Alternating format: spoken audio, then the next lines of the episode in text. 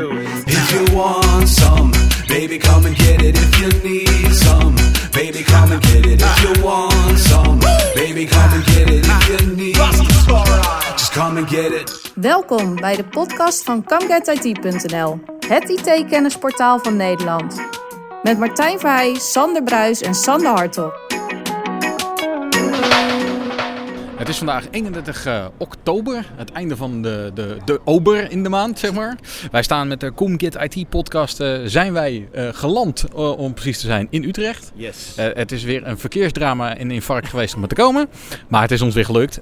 Vandaag gaan we de zesde of zevende ComGit IT extra podcast Ja, ik ben de tel zelf ook. Aan je presenteren. gezegd. Maar in ieder geval de volgende, eh, volgende extra aflevering op locatie.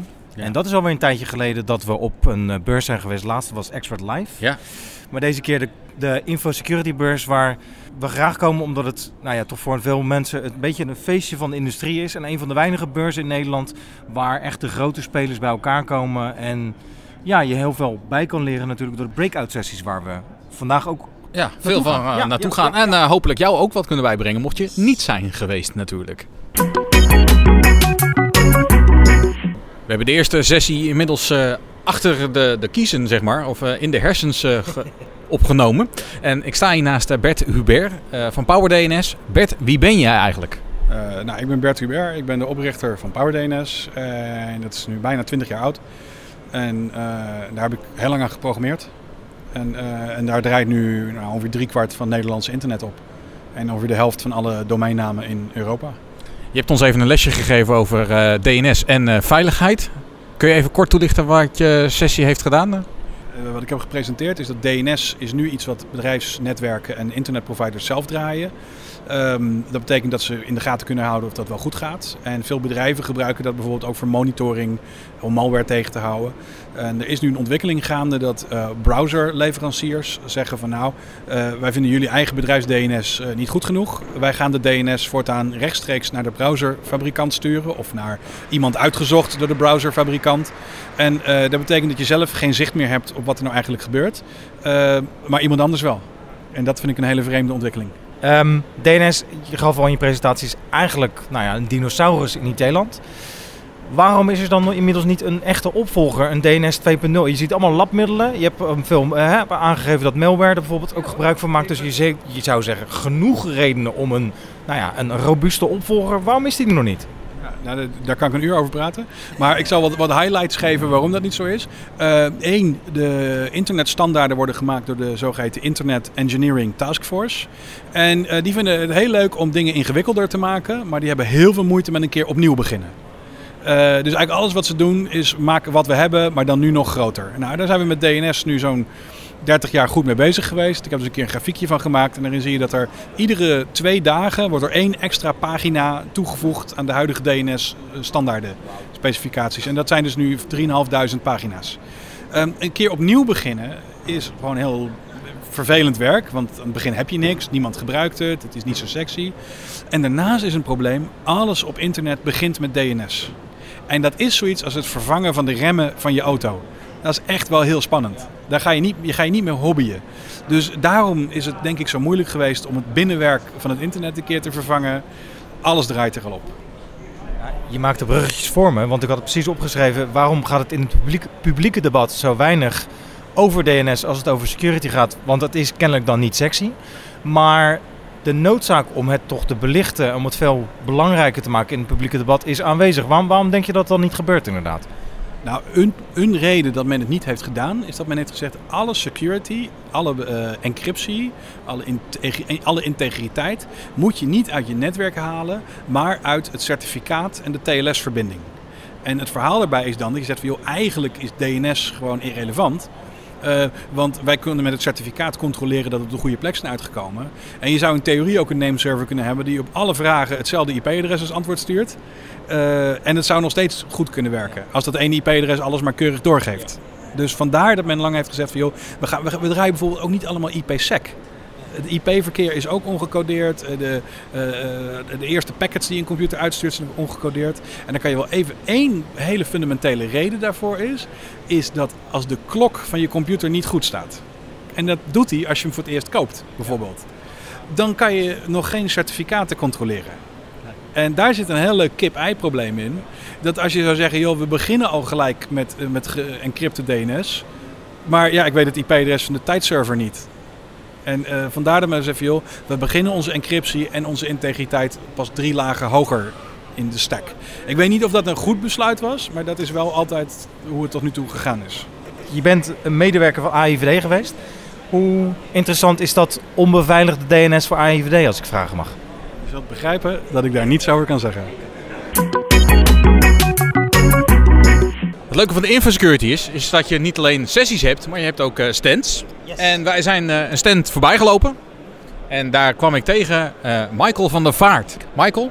Familie van? Eh, nee, nee, nee. Ik kom hem niet tegen op verjaardag helaas. Nee. Nee, nou ja, dan weten we dat ook gelijk. Michael, wie ben je dan? Eh, Michael van der Vaart van Inzet Nederland. Ik ben de, de Chief Technology Officer, al 14 jaar. 14 jaar. Van EZ Nederland. Eh, ik ken EZ als antivirus, maar dan ga jij maar gelijk corrigeren. Ja, ik ga jou corrigeren. Antivirus waren we in 1987. Dat is, eh, in 2017 waren we 30 jaar.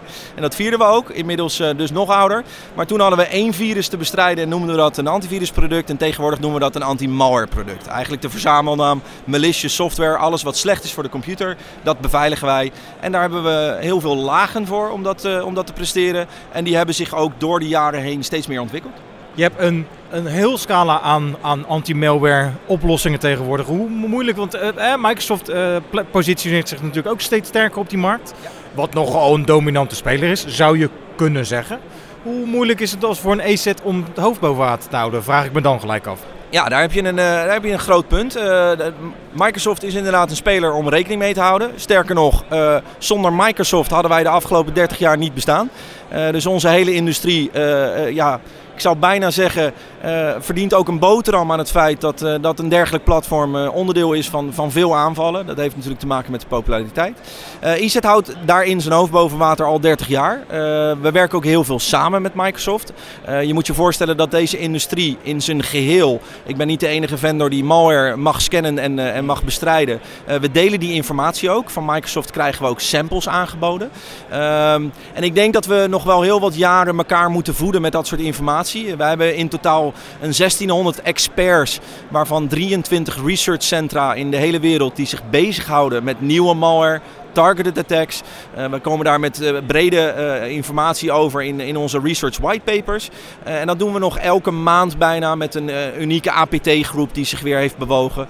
Ja, en ik zie daar eigenlijk Microsoft als een, een extra speler in de markt. Maar wel met een, een, een grote slagkracht. Ja.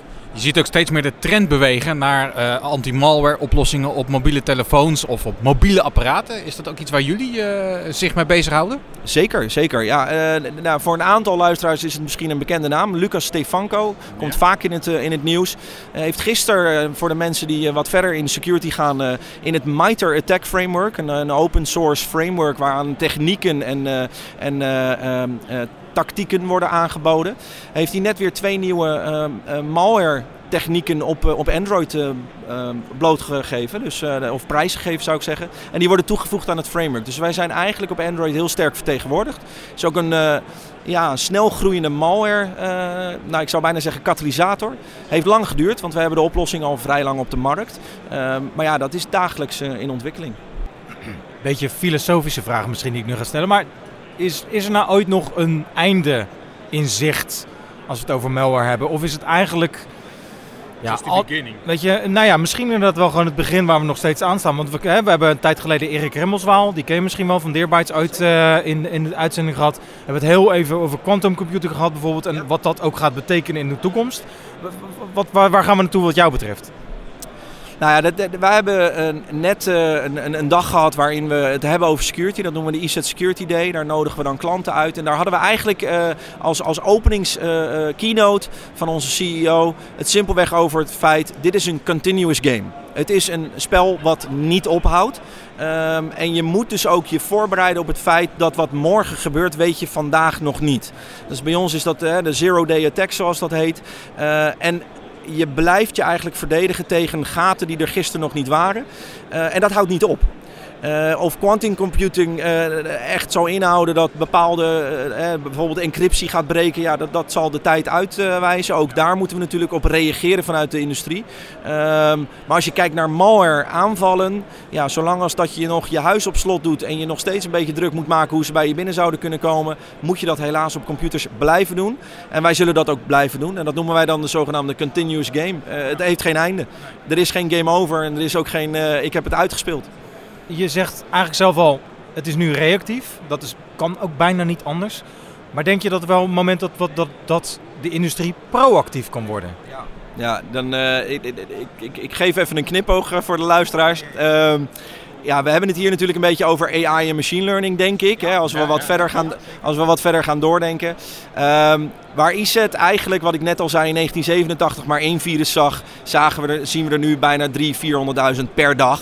Eh, dus machine learning zijn wij mee begonnen in de jaren 90. Dat doen we al iets meer dan, wat- dan 20 jaar. Eh, AI hebben wij wel een bepaalde smaak bij. Als je AI hebt, dan heb je dus eigenlijk de zelfrijdende auto die zelf beslissingen maakt. Daar eventueel ook een slimmere beslissing kan gaan maken dan dat mensen dat kunnen. Eh, maar wij, moeten nog steeds vechten tegen de, de adversaries die wel gewoon slimme koppen zijn en ook mensen. Dus ik denk dat we eh, eh, eigenlijk in deze industrie de mensen nodig moeten blijven hebben. Maar de hoeveelheid data en wat er allemaal gebeurt, ja, daar hebben we wel de machines en, en alles wat computers kunnen bij nodig. Anders gaan we die wedstrijd eh, helemaal niet meer winnen.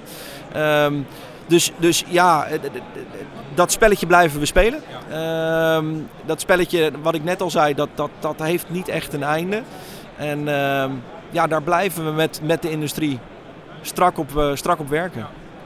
Is het dan gelijk ook mooi afsluitend een, een vloek en een zegen tegelijkertijd? Dat je zegt van nou, we, blijven ons positioneren ook omdat het zo groot is. Die game is zo eh wijdverbreid. We hebben elkaar zo hard nodig. En daardoor zullen we inderdaad continuous game ook met elkaar blijven moeten spelen. In ieder geval voor de time being. Eh, absoluut. Kijk, heel simpel. We hebben onszelf naar deze technologische evolutie geholpen. Dat vind ik het mooiste wat er is. Hè. Ik heb me niet voor niets een eh, Chief Technology Officer. Dat gaat me blijven boeien. Eh, alle platformen. Ehm, maar simpelweg, ehm, we lopen in security, en dat vind, ik, dat vind ik serieus wel. We lopen een aantal jaren achter. Of dat dan 10 of 20 jaar is, daar kunnen we wat over zeggen. Maar zolang mail nog over protocollen gaat van bijna 20, 30 jaar oud, hebben we nog steeds slaag te maken. En hebben we onszelf gebracht naar deze positie. Eh, we creëren steeds meer mogelijkheden met devices. We, we, creëren steeds meer ingangen. Eh, dus ik denk dat we dat spelletje eh, moeten blijven spelen. En dat we ons op dit moment nog een paar jaartjes zelfs achter staan op het gebied van security. Dus wij blijven voorlopig doen wat we doen. En blijven daarin samenwerken met alle mensen die hier op de beurs ook eh, een stand hebben. De derde presentatie staan wij eh, bij Axel van Drongen. Axel is eh, General Manager van Egress Software. En even voor de korte uitleg, wat doet Egress Software? Egress is eh, een bedrijf eh, heel specifiek gespecialiseerd is op informatiebeveiliging omtrent e-mail.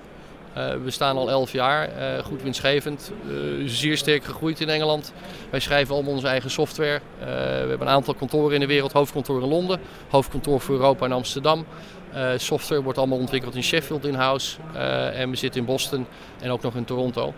Uh, en we zijn hofleverancier aan, uh, aan uh, de Engelse overheid op lokaal, centraal en, en NGO-niveau. En jullie, je, zegt, je gaf het net al aan, e-mailbeveiliging. Nou, dat is natuurlijk een hot topic anno 2019 en nog wel verder.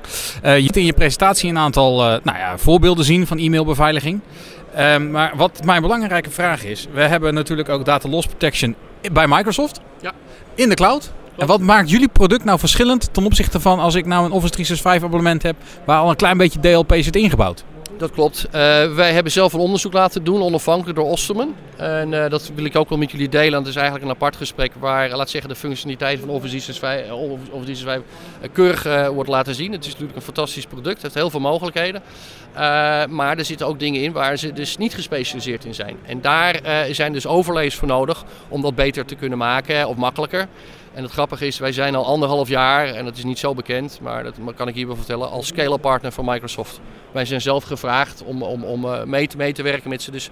En uh, ja, er waren dus vele honderden bij die daarin zaten. En dat hebben ze recentelijk uh, schoongemaakt. En er zijn er maar, geloof ik, 50 over, waar wij, waar wij er nog steeds in zitten. Dus als je echt wat aan DLP wil doen, of in ieder geval aan e-mailbeveiliging, dan kun je beter afgaan op, op Egress software in dit geval. Dat, ja, ja, ja, er, zijn, er zijn hele specifieke voorbeelden voor. En die, die, die zou ik ook graag live een keertje willen laten zien hoe ik er zelf mee omga. Want er zitten hele duidelijke verschillen in. Want onze oplossing werkt binnen Outlook. Het is een plugin die eigenlijk alle functionaliteiten laat zien. Terwijl je gewoon in je eigen werkomgeving zit. Dus je e-mails die je beveiligd verstuurt eh, via onze software zitten gewoon ook in je inbox, in je uitbox. En je zegt het werkt via Outlook. Kom ik gelijk weer met mijn mobiele devices. Hoe werkt het op mobiele devices? Precies hetzelfde. Daar hebben we een hele mooie app voor, voor eh, om op de mobiele device ook te gebruiken. Dus ja. Nou, ik heb twee vragen, maar laat ik beginnen met... eh, we hebben van- vanochtend ook gesproken met de CTO van EZ. We hebben ook een interessant gesprek over security, eh, waar het naartoe gaat. Een van de dingen die daar naar voren kwam, is dat we eigenlijk nog steeds allemaal reactief bezig zijn. En AI noemde hij specifiek als een van de mogelijkheden om proactief bezig te zijn. Dit lijkt me een goed voorbeeld ervan. Is dat iets ook wat je zelf zo ervaart? Kijk, wij, wij zijn elf jaar bezig met, met secure email. En eh, wij, wij, wij- we hebben natuurlijk een aantal hele serieuze grote klanten in Engeland. eh, die, die heel sensitieve informatie, ministeries, dat soort dingen. Eh, wij doen het inter- in- interne beheer van het hele ministerie van Justitie. 600.000 mensen in Engeland.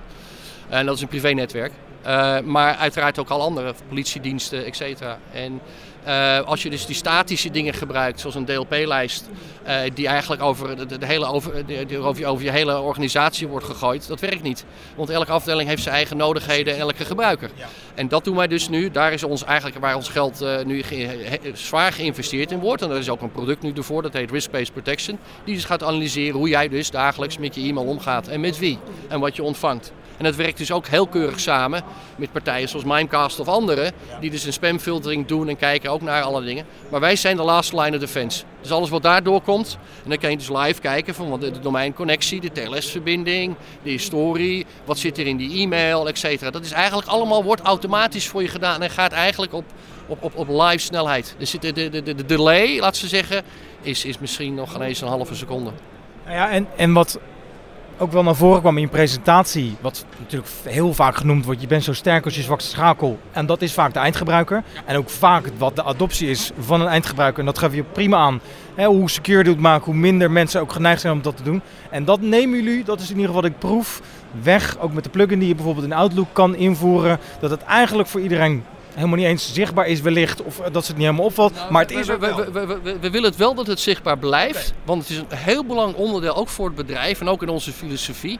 Wij zien elke gebruiker gewoon als een werknemer, als een heel hardwerkend persoon die gewoon onder druk staat. Dat staan we allemaal, veel e-mails. Dus wat kan je hun geven om hun leven makkelijker te maken? Nou, en dat is dus ook een, een stukje wat ik dus, eh, eh, dus, dus tegenkom in, in, in Nederland op dit moment. Want we wonen op bepaalde gebieden lopen we gewoon een beetje achter. Dat is gewoon eh, eerlijkshalve waar. Eh, dat je dus die awareness en die alertness moet gaan, ook moet gaan helpen creëren. En dus als je dus die prompts ook op je, op, op, je, op, op je scherm hebt van... Ja, we hebben gedetecteerd dat er dus eh, een, een paspoortnummer of een rijbewijs of een bloedgroep of in zit. Eh, Wilt u dit, weet u het zeker dat u dit wilt versturen naar dit persoon? Dus die awareness moet je vind ik, blij- blijven creëren. Want als je dat gewoon automatiseert, dan, dan, dan, dan ja, dat is wel effectief. Maar je hebt nog niet alles eigenlijk gerealiseerd. En we zijn ook op een punt, hè, 2019 zitten we inmiddels, dat dat misschien ook makkelijker is dan bij wijze van spreken tien jaar, tien jaar geleden in de... Kijk, met de hele cloudbeweging kunnen- hebben wij nu toegang tot, eh, met, eh, toegang tot veel meer informatie die publiekelijk is. En daar kunnen we dit soort analyses dus ook van maken, real lifetime, eh, in real time, eh, eh, met de gebruiker. En, en, en dat, is dus, eh, dat, dat had je vroeger niet kunnen doen. Onmogelijk. Ik sta inmiddels alleen bij, eh, ja, naast eh, Eddie Willems. En Eddie Willems had een zeer interessante aansprekende titel voor zijn eh, presentatie hier bij ja, de Infosecurity. Allereerst, wie is Eddie Willems? Goh, ik ben de security evangelist van eh G-Data en ik eh, ben ook auteur van het boek eh, Cybergevaar en Cyberdanger. En ja, bekend boordlid van een heleboel internationale organisaties. Nou heb ik in de presentatie wat geleerd over je vrouw. Maar kun je kort even toelichten wat je gepresenteerd hebt? Ja, mijn vrouw ging naar het dark web, dat is uiteindelijk de titel van de presentatie. Maar uiteindelijk was het de bedoeling om de mensen te laten zien hoe makkelijk een niet-technisch iemand wel degelijk heel vlug ja, bepaalde dingen kan doen op het dark web. En dat verwacht je niet dat je bijna in, ja, bij wijze van spreken, een kwartiertje tijd, ja, kan je bijna drugs gaan kopen of kan je inderdaad eh, andere gevaarlijke dingen doen. Mijn, mijn vrouw was eh, in feite geïnteresseerd voor in een nieuwe Glock, eh, een nieuw wapen. Om, ja, is natuurlijk zelf politieagent. Dus ze was echt geïnteresseerd in een, in een wapen. Dus en daar ging haar aandacht naar uit. Maar ja, het is maar een voorbeeldje natuurlijk. En er zijn zoveel dingen natuurlijk dat je daar kan doen. Absoluut, je hoeft ons bijna niet uit te leggen, te- anno 2019, wat er allemaal op het dark web te vinden is. Zelf ben ik er niet actief, ben, blijf gewoon lekker binnen het internet actief. Ehm, maar je vrouw is politieagente. Eh, heeft zij dan in België daar ook geen moeite mee? Of eh, zit daar niet een potentieel risico in? Want je loopt het wel publiekelijk te vertellen natuurlijk. Ja, tuurlijk. En dat is ook de reden dat we ook niet eh, te ver zijn gegaan. Dus we, zijn, we hebben het uiteindelijk niet aangekocht, het wapen. Dus we hebben echt getimed hoe lang deed ze erover om ja, in feite alles te installeren, naar de site te gaan en tot op het moment te komen dat ze inderdaad moest betalen. En dat hebben we in feite getimed. En dat was het. We hebben niet eh, de aankoop zelf gedaan. Maar het is dus wel gebaseerd op een waar gebeurd verhaal. Ja, ja, ja. Die is het inderdaad gebaseerd op een waar gebeurd verhaal. En zoals ik zeg, mijn vrouw is helemaal niet technisch. En je ziet in feite hoe dat zelfs niet-technische mensen heel makkelijk dingen kunnen doen. Ja, want je gaf in je presentatie aan ongeveer in 15 minuten zonder technisch uitleg. Klopt. Dus als je dan de technische uitleg erbij telt, zit je misschien aan een dik uur. Maar eh, ja, haal je dat eraf, dan zit je rond de 15 eh, minuten ongeveer om inderdaad iets eh, ja, eh, gevaarlijks te doen. Op het dark web te kunnen doen. Eddie, bedankt voor je tijd. Graag gedaan. Ik sta hier vandaag met Wim Hafkamp, werkzaam voor het Nationale Cybersecurity Center. Hij heeft vandaag de presentatie Dood aan de wachtwoorden. Wat een prachtige titel die mij ernstig triggerde. En hij heeft daar ook een, een gloedvol betoog gehouden over FIDO 2.0. En ik wilde wat vragen, of kunt u daar nog wat meer over vertellen? Of, uitleggen wat het is? Ja, dat, dat kan ik in ieder geval proberen. FIDO staat voor Fast Identity Online. Is gestart in 2012 door een groot aantal aanbieders eh, van eh, webdiensten en andere grotere bedrijven. Eh, in Nederland is dat bijvoorbeeld ING geweest, die, eh, die heeft zich aangesloten.